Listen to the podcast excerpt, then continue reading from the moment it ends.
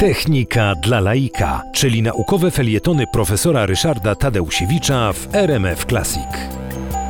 Woda ma w odróżnieniu od większości substancji, które mogą być i w stanie płynnym, i w stanie stałym, ma pewną niezwykłą właściwość. Otóż e, ciężar właściwy, gęstość e, lodu, czyli zestalonej wody, jest mniejsza niż e, wody płynnej.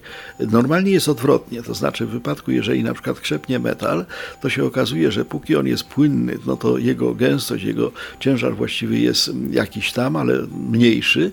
Natomiast w momencie, jak skrzepnie w postaci odpowiedniej odpowiedniego tam jakiegoś odlewu na przykład, y, następuje skurcz. Widać na przykład przy formach odlewniczych, jak się y, jakieś przedmioty chce odlać, no to trzeba naddać troszeczkę, bo wiadomo, że y, przedmiot po wypełnieniu cieczą, czyli roztopionym metalem, to będzie miało jakieś kształty. W momencie jak skrzepnie, będzie troszeczkę mniejsze. W wodzie jest odwrotnie. Zresztą czasami to, to jest źródłem naszych kłopotów, bo nam na przykład rozsadza jakieś butelki czy szklanki. Woda w momencie przechodzenia ze stanu ciekłego w stan stały powiększa swoją objętość. Skoro powiększa objętość, to ten lód lżejszy od wody płynnej wody pływa po wierzchu.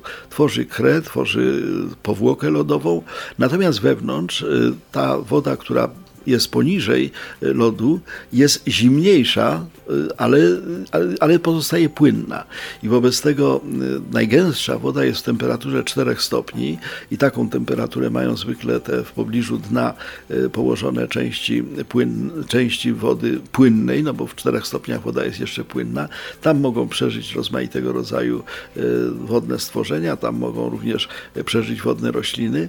Natomiast na wierzchu, właśnie pływając na zasadzie podobnej jak pływają kajaki, statki, pontony po wierzchu tej wody, pływa lód, czasem tworzący zwarte tafle. No, czasami y, mróz jest tak silny, że zetnie tą wodę do samego spodu. Bywa tak i wtedy na przykład y, ryby w ogrodowej sadzawce mogą zginąć. Ale y, na ogół jednak mimo wszystko ta warstwa tej wody zimnej, ale jednak mimo wszystko cięższej, gęściejszej niż lód, przykrywa dno, znaczy jest w pobliżu strefy dennej, no i tam jest rzeczywiście ta strefa bezpieczna. Dotyczy to zarówno małej kałuży, jak i wielkiego oceanu, więc w związku z tym stykamy się tym praktycznie biorąc codziennie.